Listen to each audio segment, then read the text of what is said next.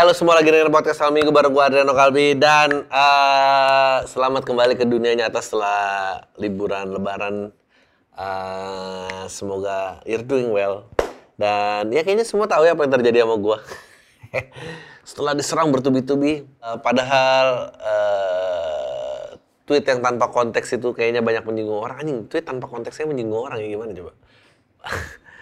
Tapi ya, ya gue harus terima aja mau diapain lagi.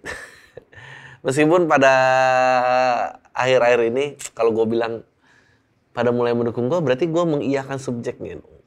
Ah enggak, berarti gue nggak akan memberikan konfirmasi itu. Tapi memang, I don't know ya, kayak ada orang ada orang ngebelain gue bagus banget dia bilang tweetnya gini. Ya tapi kenapa dia harus memperolok situasi ini? Kayak dia nggak ada kerjaan lain aja. Semua tuh lagi mencari perubahan. Tapi kan dia emang pelawak, dia berusaha mencari itunya, mencari lucunya.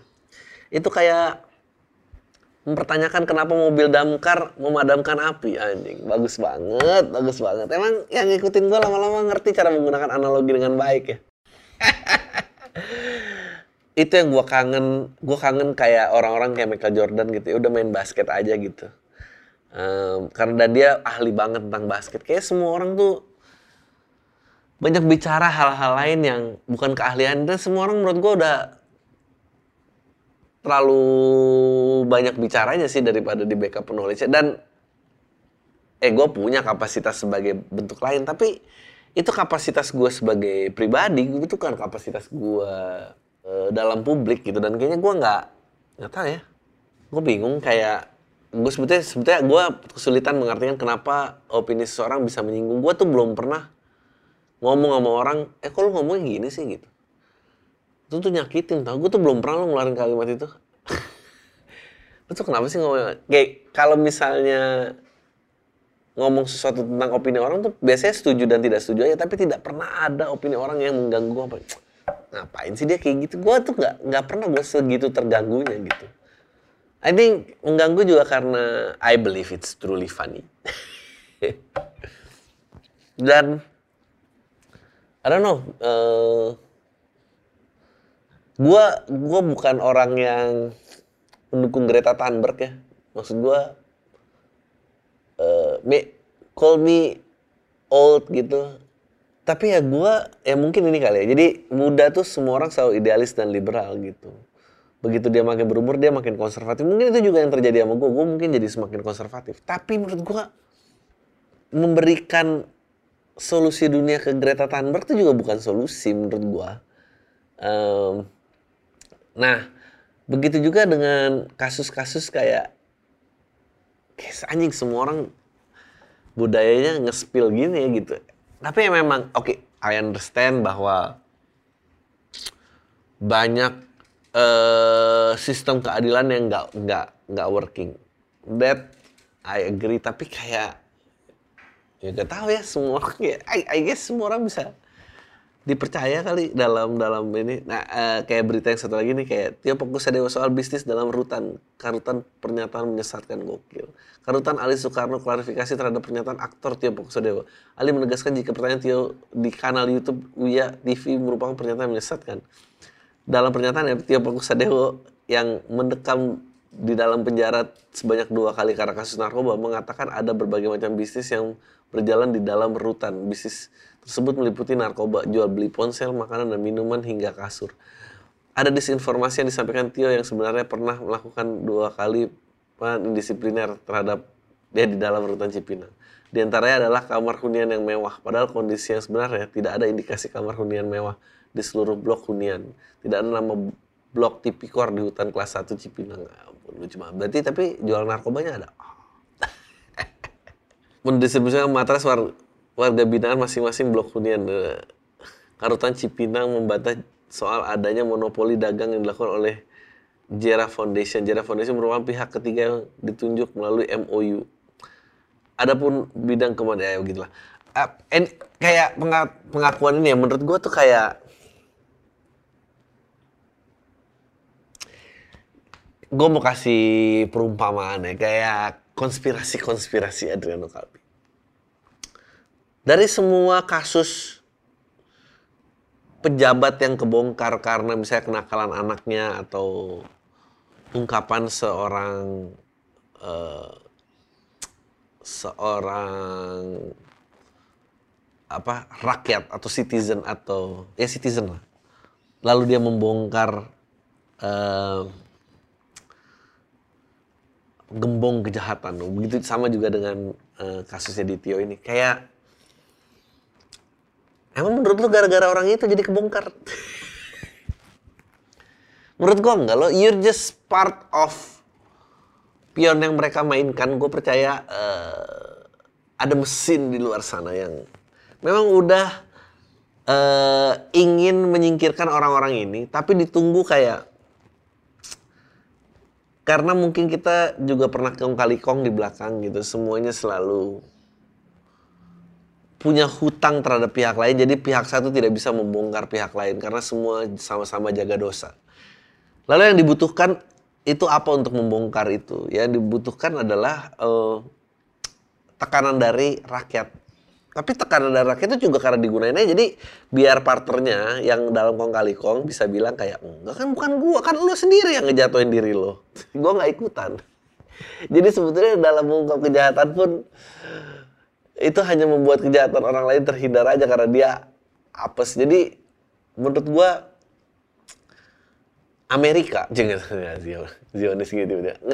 Kayak aduh lu tuh emang harus menurut gue lo harus baca Confession of Economic Hitman sih. Itu tuh gue nggak bisa tekan ini berulang-ulang sih. Kayak lebih sering lagi kayak di situ diceritain gimana caranya um, negara adidaya kayak Amerika tuh mengendalikan pemerintahan di negara-negara kecil gitu. Dan gue pengennya sel gue selalu punya presiden boneka istilahnya. Tapi uh, kalau misalnya dia tidak bisa mau jadi boneka gua, ya gua gantiin orang yang bisa aja gitu. Dan itulah yang terjadi dengan tergulingnya orde lama dan orde baru. Dia cerita beneran di situ dia cerita. Nah menurut gua itu sama halnya. Jadi ada pihak yang lebih tinggi lagi emang udah nggak suka main tapi gimana caranya gitu. Nah kalau misalnya presiden yang nggak bisa jadi boneka, dia tunjuk orang lain yang mau jadi boneka Uh, gimana caranya? Tegulingin yang pertama. Gimana cara ngegulingin yang pertama? Dengan mengekspos dosa-dosanya. Biar rakyat tuh marah. Menurut gua uh, rakyat tuh instrumen penting tapi ya memang kebetulan dia bisa dimanfaatkan untuk oleh oleh pihak-pihak yang lebih besar lagi gitu. Jadi kayak ya you just part of that wheel aja which kalau orang ah lu mah cuma bisa bitter doang gue nggak bitter I just think it's funny I think it's funny how someone seseorang bisa berpikir bahwa karena celotehannya dia dia bisa mengungkap gembong kerajaan kejahatan yang udah berdekade-dekade ada gitu. Emang dipikir gara-gara itu enggak mungkin. gue coba bilang itu enggak mungkin. Itu aja. Nah, gue nggak ada salah sama perjuangannya. Gue nggak niat berju gini, gue punya social concern sendiri, tapi itu gue sebagai pribadi dan tidak akan, kayaknya nggak akan dikontenin deh. Ya gue senengnya keluar di publik buat yang gini-gini aja.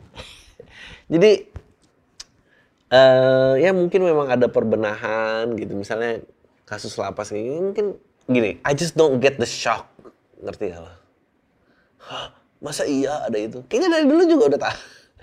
Tapi ini ini memang problem generasi dan media. Jadi setiap ada media baru, bukan ada media baru, setiap ada generasi baru, dibutuhkan media baru untuk nge-reach generasi itu. Dan generasi itu, soalnya generasi baru itu punya challenge yang lain kayak, oh mungkin ini mediumnya terlalu membosankan, nih basi dan segala macam. Jadi yang baru harus dikasih informasi yang sama lagi jadi mereka kayak, hah, hah, hah. Padahal yang generasi lamanya juga kayak, iya emang kan lu juga begitu.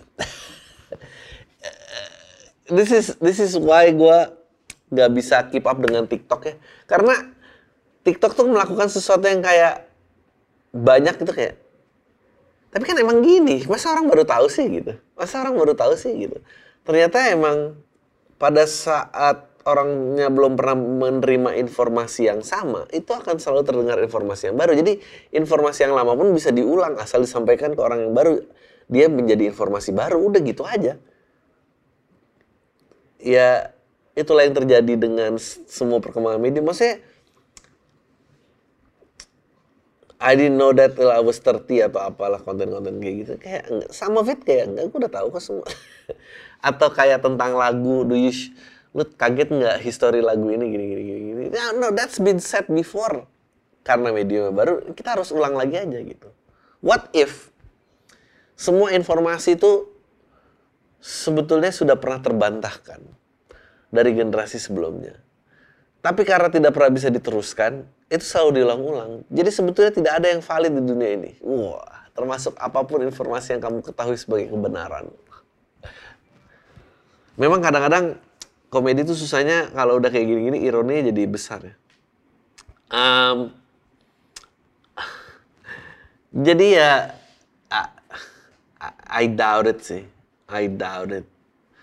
Uh, revolution, gue sih percaya revolution is never televised. Itu bukan, gue lupa quote siapa. Itu dia nyebut televisi karena itu media yang paling berpengaruh pada saat itu. Dan mungkin sekarang revolution is never on IG live or TikTok. Iya. Ya siapa pun lah. Kasus mau pajak mau apa termu. Oke. Okay. Gokil. Asik quick quick. Wih, quickly. Kakek 69 tahun tewas di lokasi Bono Cino Batang bangsat. Lu tau gak sih yang sebel dari ini? 4, 69 tahun tuh gue lebih dekat ke usia dia daripada tahun lahir gue gitu. Anjing gak? Sedih gak? gue kira tuh udah jauh ternyata enggak. Eh, gue kira 69 tuh selalu jauh ternyata udah mulai deket. 69 tuh 30 tahun lagi which nggak seumur hidup gue ini jaraknya gokil. Udah kakek 69 ya shit. Ya. Sekarang depresi langsung tua gini, Mas. Uh, asik Wiki 69 lagi 69 juga ya. Berhubungan intim dengan seorang PSK. Oh. jumlah warga kelurahan Karangasem Utara juga oleh seorang kakek 69 tahun tewas di sebuah rumah kawasan lokasi Bino Cina. Ya ampun, kasihan banget. Yang kasihan tuh PSK-nya sih kayak. Kek, nggak mungkin kek ya. Jangan panggil kakek dok, kan mau gede-gede gitu cowok biasanya ah, panggil bro aja anjing padahal udah tua gitu. Oh PSK-nya juga 48 tahun. Shit man. Ini emang kalau orang nggak pinter finansial sih 48 harus kerja juga. Fuck. 48 masih ini juga gokil ya. Apa emang ada ada range umurnya gitu kalau kalau 48 dapetnya sama yang 69 aja, jadi yang muda-muda masih Kakek ini mungkin juga milih yang 48 karena kalau 30-an takut kalah napas ya. Meskipun ternyata 48 kalah napas juga.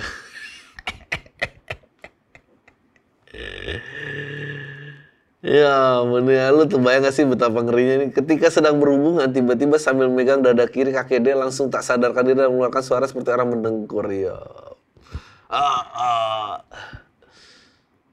ya tapi dia kayaknya mati bahagia ya maksudnya. Yang nggak bahagia bininya pasti dan keluarganya. Kok bisa? Berarti kalau bininya sama sekali nggak punya nggak punya sedikit clue gitu ya nggak punya apa. Enggak saya kenal dia selalu baik selalu cinta. Pantes.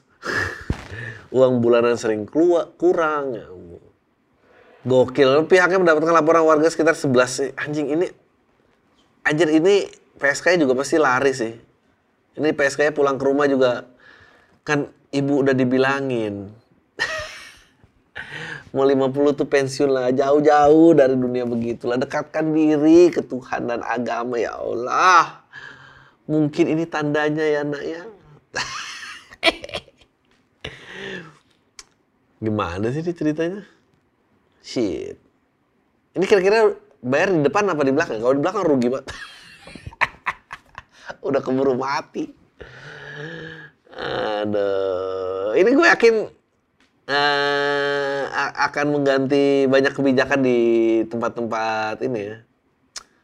Perkumpulan PSK gitu ya. Karena Nah kita udah tahu kasus kakek ini semua bayar di depan nggak ada di belakang ntar pada ini. Semua orang-orang yang lagi sange gitu, ya udah iya aja. Karena nggak mungkin nego lagi sange yang susah. anyway, Jokowi dan keluarga nyaris makan buah diduga berformalin di Labuan Bajo ya ampun.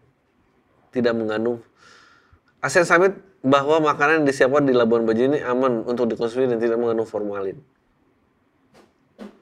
Semua karena kami berkeyakinan semua restoran nanti akan dikunjungi dan tidak satupun resto yang tidak kami periksa. Kok bisa? Kok bisa ada formalin kalau udah ini? Gokil. 8 parameter yang diuji dalam makanan presiden adalah sianida, nitrit, timbal, arsen, formalin, boraks, rodamin B, dan metanil. Ini eh, apakah ini merupakan berita-berita konspirasi uh, anti-anti Jokowi ya gitu, upaya-upaya uh, membinasakan presiden. Uh, apakah seperti itu? Apakah emang ya nggak tahu ya. Tapi gua rasa setiap kalau nggak mau diancam dibunuh, gua rasa jangan jadi presiden ya. Kayaknya itu selalu ada. Gua nggak tahu sih. Nah, akhirnya jadi orang tua lagi. Gue mau cerita dulu zaman SBY, tapi gue kayak anjing masih pada ingat ya? Dulu tuh SBY pernah nangis-nangis lagi pidato gara-gara dapat print screen, dia nge-screen gitu ada orang, gue masih ingat nih, di, dia kepalanya dalam sasaran tembak gitu. Agak aneh sih ya yang ngirim foto. Setelah gue pikir-pikir itu kayaknya Photoshop dia print sendiri. Tapi tapi dulu dia pernah nangis-nangis, dia nangis-nangis bilang kayak diancam dan ini dan segala macam. Ini kalau salah SBY periode kedua. Ya, tapi emang jadi presiden menurut gue gitu sih. Itu emang part of the job. Kalau lu nggak mau diancam dibunuh orang, jangan jadi presiden. Karena pasti ada yang nggak suka banget sama lu. Meskipun dapet e, bisa ngeprint ada ada scope terus ada kepalanya dia itu gue nggak tahu motretnya pakai handphone siapa kan nggak mungkin ya gitu dipakai dipotret di teleskop sniper orang cepret terus dikirim hati-hati dengan perkataan anda waduh Kayaknya nggak mungkin. Nggak uh, tahu kah apakah ini kecelakaan dan apa, apa upaya meracuni presiden. Tapi ya, ya udahlah. Kalau kayak boraks gitu mau banyak makanan mengandung boraks ya itulah yang rakyat bapak makan. Udah lah. being political tuh is easy. Easy, susah tuh jadi lucu kayak misalnya gini, oh ya diduga makan uh, Uh, keluarga uh, diduga uh, makanan mengandung formalin. Ada delapan parameter uh, nitrit, tambal, arsen, formalin. Kalau mau jadi protes tuh langsung boraks gitu. Langsung jadi kalau mau jadi protes tuh langsung kayak banyak Pak yang rakyat susah Bapak rasakan itu memakan yang masih mengandung boraks. Tapi ya udah. Sadis. Siswi SMK tewas ditembak pacar usai dihamili. Tembak apa nih? Gitu mati masih dibicarain. Uh, that's what's comedy. Tembak apa nih? Tembak pistol, tembak ya tembak dalam ya hamil. Ini ini tuh tewas ditembak pistol apa ditembak di dalam hamil dia tewas ya. Um, jangan bercandain korban tega banget lo bang gini gini gini. Pak ini komedi show men. Kalau lo nggak suka cari tempat lain aja. Berdasarkan keterangan palsu, korban tewas ditembak dengan senapan angin. Oh, senapan angin. Dari jarak dekat sebanyak dua kali diarahkan ke bagian kepala belakang. Wajing. Gokil, ini serem banget nih. Pistol angin tuh emang gak bisa men, terlalu deket gitu. Di salah satu SMK di Cianjur berinisial RP, 17 tahun meninggal dunia usai ditembak pacar jasadnya ditemukan di sungai Sasak Adai. Gokil. Diduga pelaku penembakan adalah pacarnya berinisial AG 17 tahun karena korban meminta pertanggungjawaban yang telah dihamili selama tiga bulan ya. ya. Nah ini ini bedanya komedi sama perjuangan politik nih. Uh, tiga bulan. Kalau mau jadi perjuangan politik, gue akan nyebut kayak udah saatnya nggak sih Indonesia tuh melakukan edukasi seks? Weh, ayo perjuangkan. Kalau mau berapa banyak lagi orang hamil di luar nikah, itu perjuangan. Tapi kalau komedi, pertama aja setelah hamil tiga bulan, ya 17 tahun tuh emang kaget. Hah, hamil kok bisa? itu komedi. Ya gimana? Keluarga korban mencari anak yang sore tidak kunjung pulang sehingga keluarga korban mencari keberadaannya. 21.30 bawa mayat di sungai, gokil. Kurang dari lima jam tanpa perlawanan kami sudah berhasil tangkap pelaku yang sudah mengakibatkan korban tewas. Berdasarkan keterangan pelaku ditembak senapan angin dengan jarak dekat yang diarahkan ke bagian kepala belakang. Gimana caranya? Pertama ditembak bagian kepala belakang dari jarak 2 meter hingga korban jongkok sambil menahan sakit. Kemudian eh, pelaku menembak kembali diarahkan ke bagian kepala belakang korban dari jarak dekat. Jangan ke mana-mana loh, gitu. Anjing kan pistol angin berapa kali ngokang sedih ya. Itu komedi bro. Ya gue harus ngambil komedinya. Tapi kalau mau ngambil politisnya udah saatnya gak sih Indonesia tuh melakukan edukasi seks biar tidak ada lagi enak tidak perlu jadi anak waduh di quote ya awas ya uh, itu komedi bro. Ah itu namanya komedi yang memiliki pesan. Tapi bisa juga komedi tidak bisa memberikan pesan. Bisa bisa bisa. Um, pasti habis. Tapi itu pasti jok-jok yang sangat disukai oleh SJW SJW. Iya dong, jokes harus punya pesan. No, gua gini. Tapi kan seni itu harus perubahan. Yang nggak bisa, lu nggak bisa mengajak semua seni harus uh, punya perubahan karena kalau enggak, nanti ntar seni itu cuma jadi kayak cagar budaya gitu loh demi mengharumkan bangsa. Jadi nggak punya purpose lain selain ada di museum dan di taman mini nggak bisa. Uh, sama kayak gini. Misalnya olahraga gitu, tinju. Tinju tuh yang terpenting mukul orang sampai jatuh kan, nggak perlu tiap mukul kayak ini harapan orang tua saya, ini dukungan anak-anak teman sekolah saya. Anjing itu mah tinju bawa pesan anjing, nggak menarik. Ribuan pendatang diprediksi serbu Jakarta pasca lebaran 2023. Men, ini tuh udah penuh banget. Gue nggak ngerti sih kayak uh, apa namanya mau kayak apa lagi gitu Jakarta udah penuh banget men. Um, apa ya? Sebentar doang kayak sepi itu. Sekarang juga udah penuh lagi, udah udah udah nggak ngerti lagi lah. Kayak mau diapain lagi gitu Jakarta tuh emang udah ya udahlah begitulah adanya um, gua rasa uh, ya semoga apa ya kan gue tuh berharap mestinya harus ada kehidupan lain selain Jakarta sih menurut gua kalau enggak ya repot semuanya akan kayak gini terus masalahnya tiap tahun ya mau gimana coba ya udahlah Let's go to the questions. Memilih untuk sendiri. Ah, laku aja anjing. Uh, eh, gue gak terlalu suka sama anak-anak, jadi... Yeah. Gue cowok 23 tahun mendekati 24. Sumber hidup gue, gue belum pernah punya pasangan bang. Jadi gue ngerasa kalau gue belum pernah ngerasain namanya jatuh cinta. Terus gue juga merasa kalau gue udah terbiasa ngelakuin apa-apa sendirian. Gue gak terus suka sama anak-anak, jadi kalau suatu saat gue menjadi seorang ayah kayak gue nggak bakal jadi seorang ayah yang baik ya rasa kesepian tetap ada tapi gue cukup teman ya cukup teman untuk melawannya cie atau cie gue emang kalau lihat anak kecil sekarang cie cie doang nih anjing uh, kadang gue mendistraksi diri dengan dengerin musik nonton film main game jadi gue memutuskan kayaknya gue akan terus hidup sendiri sampai tua menurut lo apakah ini pilihan yang salah bang dan kenapa menurut gue nggak salah menurut gue uh, lu terlalu cepat ngomong umur 23 tahun anjing tahu apa I'm not saying gue tahu semua tentang hidup. I'm not, I'm not saying that. I'm just saying bahwa dua tiga sih belum sih. Dua tiga sih ya coba aja kalau kuat sendiri nggak apa-apa. Menurut gue, oke okay, ini juga yang gue terganggu dengan sosial media. Kalau lo emang nyaman dengan pilihan lo, kenapa sih pilihan lo tuh harus disiarkan? Gue gua nggak paham sih. kayak OKB tau lo. Lo liat OKB Nora kan orang kaya baru tuh selalu pamer gitu kan sama persis kayak orang yang punya opini, kenapa harus selalu dipamerin? I, I don't understand. Kalau joke harus dipamerin karena gue butuh orang lain ketawa, itu jelas. Tapi kalau kayak opini kayak gue mau hidup sendiri, men kalau lo emang yakin mau hidup sendiri, kenapa lo nggak sendiri aja udah? Kayak istirahat sosmed mau posting istirahat sosmed gimana sih? Posting mau istirahat tuh gimana? Kalau udah mau istirahat, ya istirahat aja udah gak usah posting. Ya ampun, noraknya.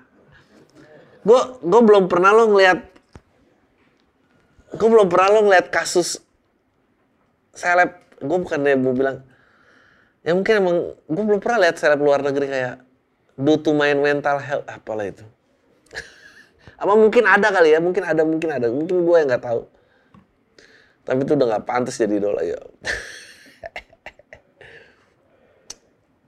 Fakultas Pertanian, jurusan agak bisnis juga. Apa alasan penyebabnya kurangnya minat pemuda untuk menjadi bekerja menjadi petani?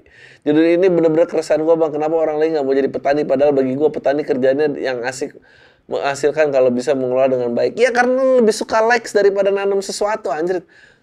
Menurut abang pekerja sebagai petani gimana? Menurut gue Makasih bang, doain gue cepet lulus soalnya udah semester 10 mana jadi anak terakhir lagi kayak beban keluarga banget. Ah, ya udah salah udah salah beban aja udah salah eh udah salah zaman gitu maksudnya ya siapa yang mau jadi petani apa asiknya lebih asik di likes di TikTok kan daripada ya, dan gue kalau kayak gini jadi bitter old guy tapi kayak ya susah gini suka nggak suka informasi itu adalah bagian dari wealth wealth itu kemakmuran jadi nggak cuma harta, informasi pun juga wealth. Dulu orang yang tengil dan banyak sok-sok banyak bilang gue maunya kerjanya gue suka aja gue itu cuma orang-orang kaya. Tapi orang-orang sekarang yang melek informasi pun juga seperti itu. Padahal dia nggak kaya, itu yang troubling menurut gue. Uh, gue bukan ada mau bunuh mimpi orang, tapi kayak sekarang anak petani bisa mimpi jadi editor. Menurut gue bukan nggak boleh dia jadi mimpi atau atau jadi mending lah kalau editor masih pekerjaan. Anak petani maunya uh, main game atau anak petani maunya jadi KOL ya gimana menurut gua?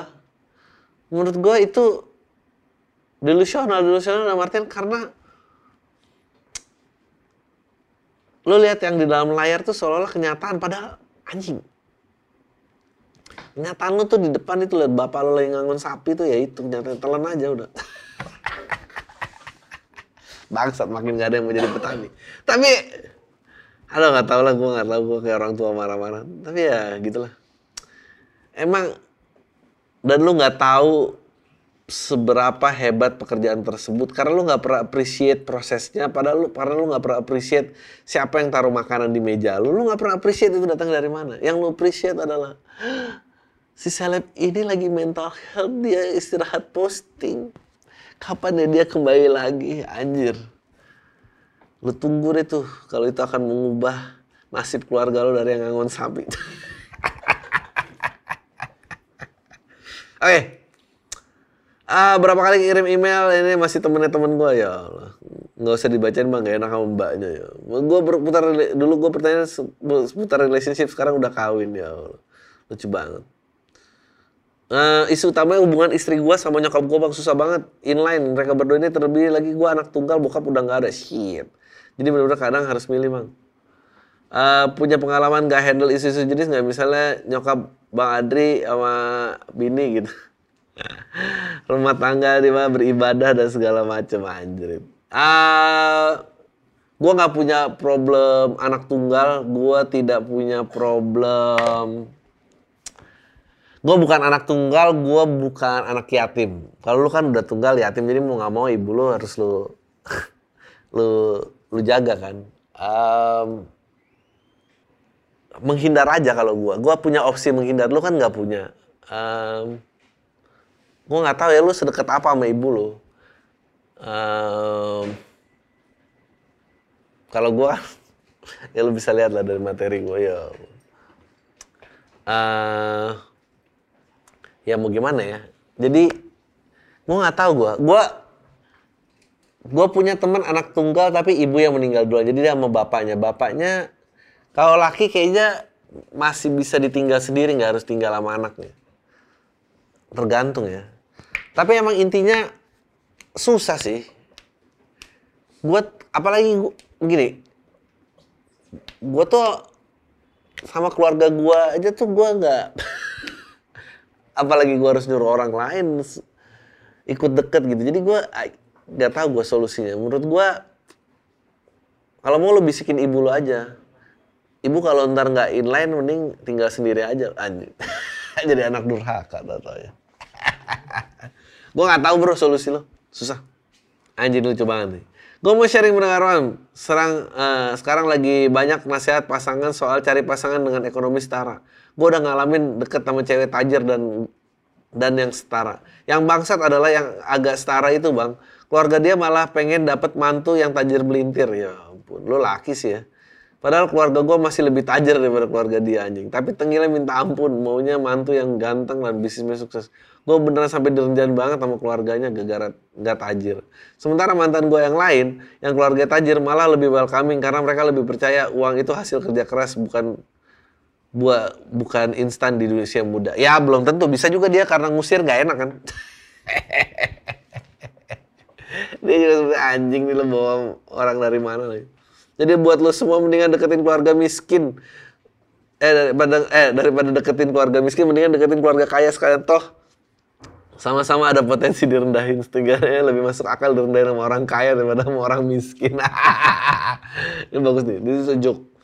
Uh, ya itu bener sih. Tapi problem utama sih nanti bukan cuma tentang direndahin sih. Uh, menurut gua gua nggak tahu ya tapi kalau gua tuh orangnya lebih uh, ya harus standar gua sih gitu. Kalau standar gua apa enggak ya? Enggak juga sih gua kayaknya mau mau aja. Anything yang bisa menjamin kelangsungan hidup lebih nyaman ikut aja gua. Ya enggak tapi mungkin ya ini tradisional kayak lelaki dan perempuan ya. Mungkin lelaki ya dialah yang menentukan di mana dan hidup hidupnya di mana dan karena dari penghasilannya dia. Jadi gue nggak percaya juga ada keluarga kaya yang baik gitu. Gue kalau jodohnya anak gue miskin gue juga akan kayak kenapa anak saya nggak deh nggak deh uh, oke okay.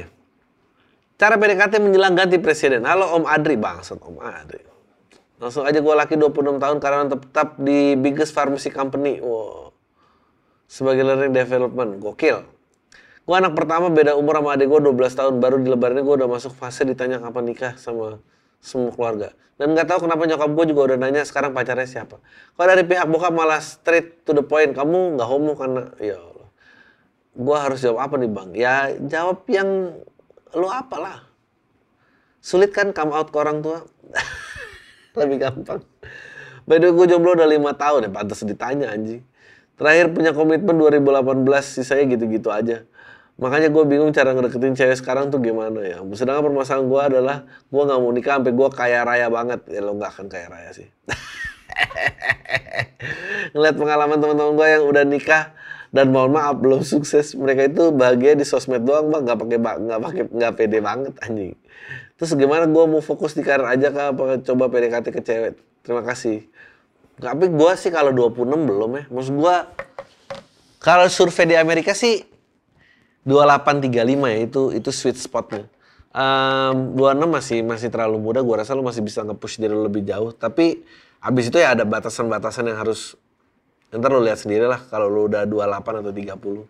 Um, ya jadi ya ditanya sama keluarga gitu ya jawab aja karena keluarga lo cuma pengetahuannya sampai situ men mau diapain lagi lo mau ngajak ngomong apa ngomong ngajak ngomong child free nangis men keluarga lo jangan gak usah nambah nambahin dosa aja. Udah itu aja dari gua. Tanya lo semua. Deh